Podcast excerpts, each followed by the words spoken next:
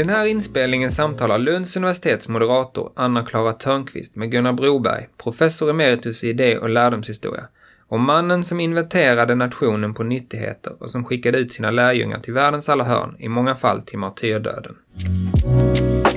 Varmt välkomna ska ni vara till Lunds universitets digitala bokmässa. Och här vid min sida har jag inte bara ett praktverk utan också mannen bakom det, Gunnar Broberg. Du är professor emeritus i idé och lärdomshistoria. Stämmer. Stämmer. Välkommen hit. Tack, tack. Eh, nu kanske jag gör mig fiende med de andra jag talat med men det här är ju den absolut vackraste boken som jag har fått äran att läsa inför de här samtalen måste jag säga. Eh, och jag jobbar ju på Författarskolan vanligtvis så att jag bryr mig väldigt mycket om språk och du har en fantastiskt vacker första mening också som jag tänkte läsa. Linné är blomman i knapphålet på svensk vetenskap. En blomma som inte vissnar trots att tiden går. Och då undrar jag inledningsvis, varför är det så? Varför, varför vissnar inte Carl von Linné? Varför fortsätter intresset? Intresset är livsviktigt. Vi lever utav naturen och inte minst här uppe så måste vi vara noggranna med årstider och växtlighet och sen så gäller intresset också hela världen. Så det är inte bara ett svenskt namn. I England heter han Carl Linnaeus. I Frankrike heter han Charles von Linné. Och så i Sverige då Carl von Linné. Som han adlades till. Från början Carl Linnaeus. Så han är en världsangelägenhet fortfarande? Ja, får jag det här är snudd på osakligt, för jag vet inte riktigt, men alla känner till Wikipedia. Wikipedia hade en omröstning för några år sedan om de mest betydelsefulla personerna de senaste 3500 åren. ja. Och så kollar man då mot olika Wikipedia-versioner i Sydkorea och i England och Sverige och så vidare. Och den, på den listan så kom Hitler nummer tre, Jesus nummer två och Charlie Boy nummer ett. Så. Fast man kan naturligtvis ifrågasätta den här typen av mätningar. Men eh, någonting säger de ju. Mm. Och ditt eget intresse då när du bestämde dig för att skriva den här biografin? Ja, det var väl äldre än så. Ja. Alltså min mamma var väldigt duktig med växter. Och morfar var också väldigt duktig med växter. Och sen var jag ganska dålig på växter. Så att jag tänkte, han gjorde ju dels en katalogisering och systematik över växterna som man alla vet om, sexualsystemet. Men zoologin är ju lika stor del utav hans verk. Och mineralogin. Och så skriver han en massa andra saker också. Så egentligen var det, jag skrev avhandlingen en gång om människoklassificeringen hos Linné. Och det kanske var nytt då, nu är det väldigt aktuellt. Rasindelningar och sådant. Mm. Uh, ja, sen så avhandlingen, sen då går det en del år och så småningom så säger en förläggare att det var ett tag sedan ni skrev någonting, ni akademiker. Mm om denne man. Och det stämmer faktiskt att det är hundra år sedan drygt som den förra stora biografin på, baserad på källor riktigt kom. Så det var dags, det var dags tyckte de. Det slår mig att jag nog kanske inte nämnde den vackra titeln. Den heter alltså Mannen som ordnade naturen. En biografi över Carl von Linné. Mm. Eh, vågar man fråga hur lång tid du har arbetat? Alltså det är ju en diger ett digert verk. Hur länge har du arbetat, skrivit på den? I, allmänt, I allmänhet sett så har jag väl hållit på med den i 30-40 år. Mm. Men mera konkret 3-4. Mm. Mm. Fantastiskt. Eh, det är väldigt svårt att liksom ge, göra den här boken rättvisa känner jag, för den är så rik och vi har en kvart på oss. Men eftersom jag, jag är imponerad av ditt språk och din komposition så tänkte jag att jag kan utgå från hur du har komponerat, hur du har delat upp den den har, du har den ju tre delar. Eh, som också har väldigt poetiska titlar tycker jag. En stor man kan komma ur ett litet hus, hette första delen och då inleds varje del med en växt. Och den inleds med den blygsamma Linnean. Den andra delen heter På livstrappans höjd och då inleds den med den åtråvärda tebusken. Och slutligen heter den sista delen Den gamle Linné och där bjuds vi en skål smultron. Kan du berätta om din tanke där med, med din disposition och kom komposition? Ja, den var väldigt fin tycker jag. Och att du fångas av den. Alltså Linnén, det är Linné, Linnés väg till berömmelse. Han brukar lansera sig, eller brukade, som blygsam, för det är så han själv beskriver sig. Mm.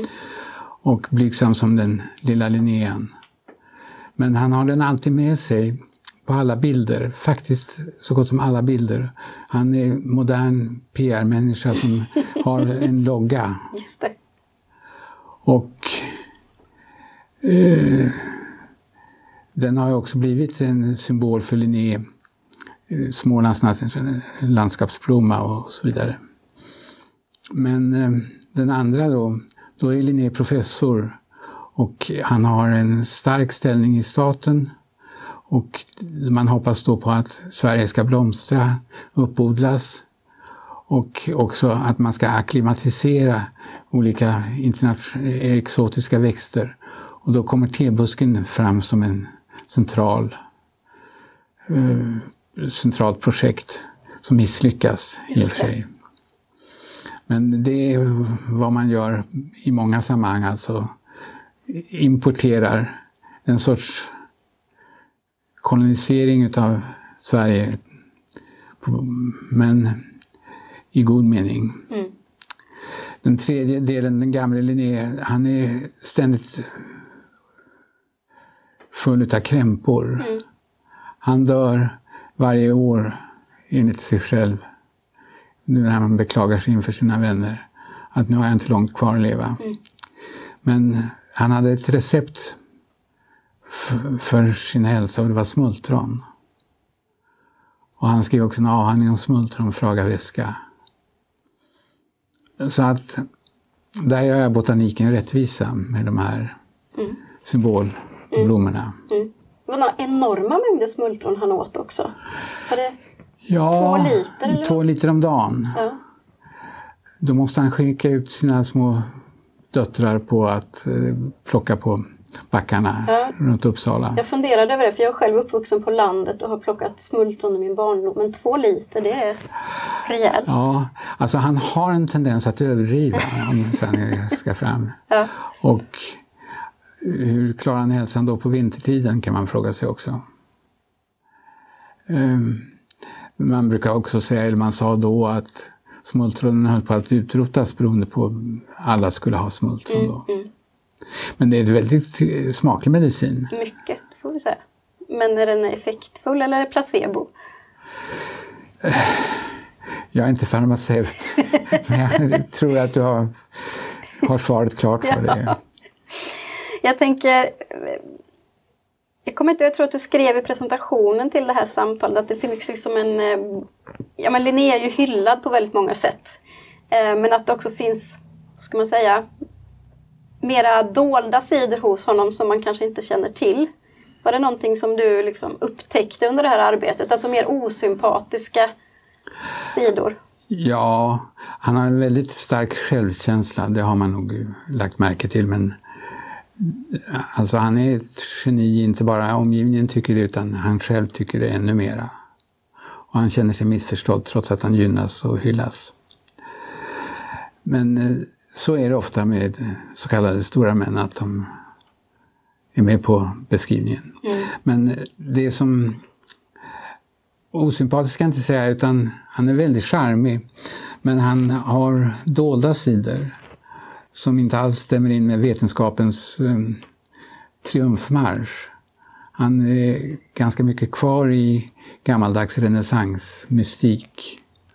Och även om han vill eh, göra slut på, på eh, dålig vetenskap så kan han själv hamna i ganska konstiga slutledningar. Han är talmystiker. Han är väldigt intresserad på ålderdomen utav elektricitet. Och det låter ju väldigt modernt, mm. men det är snarare då en sorts livsande som han identifierar som elektricitet. Och det där är ju väldigt tacksamt för biografen att mm. gå in i och omvärdera honom. Mm. Jag omvärderar honom inte i meningen att jag tar ner honom från, från piedestalen. Men eh, jag omvärderar honom i att han är mera komplex. Mm. Än vad som brukar sägas när han då är en, en eh, blid älskare utav floran. En blid, en blygsam Linnea. Ja, ja. Ungefär så. Men om du har levt med Linné i 40 år på ett eller annat sätt.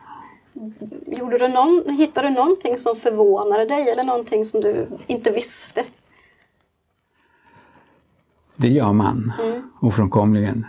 Och nu kan jag inte reda ut det här riktigt, men naturligtvis om man går in i en människas familjeliv så finns där hemligheter.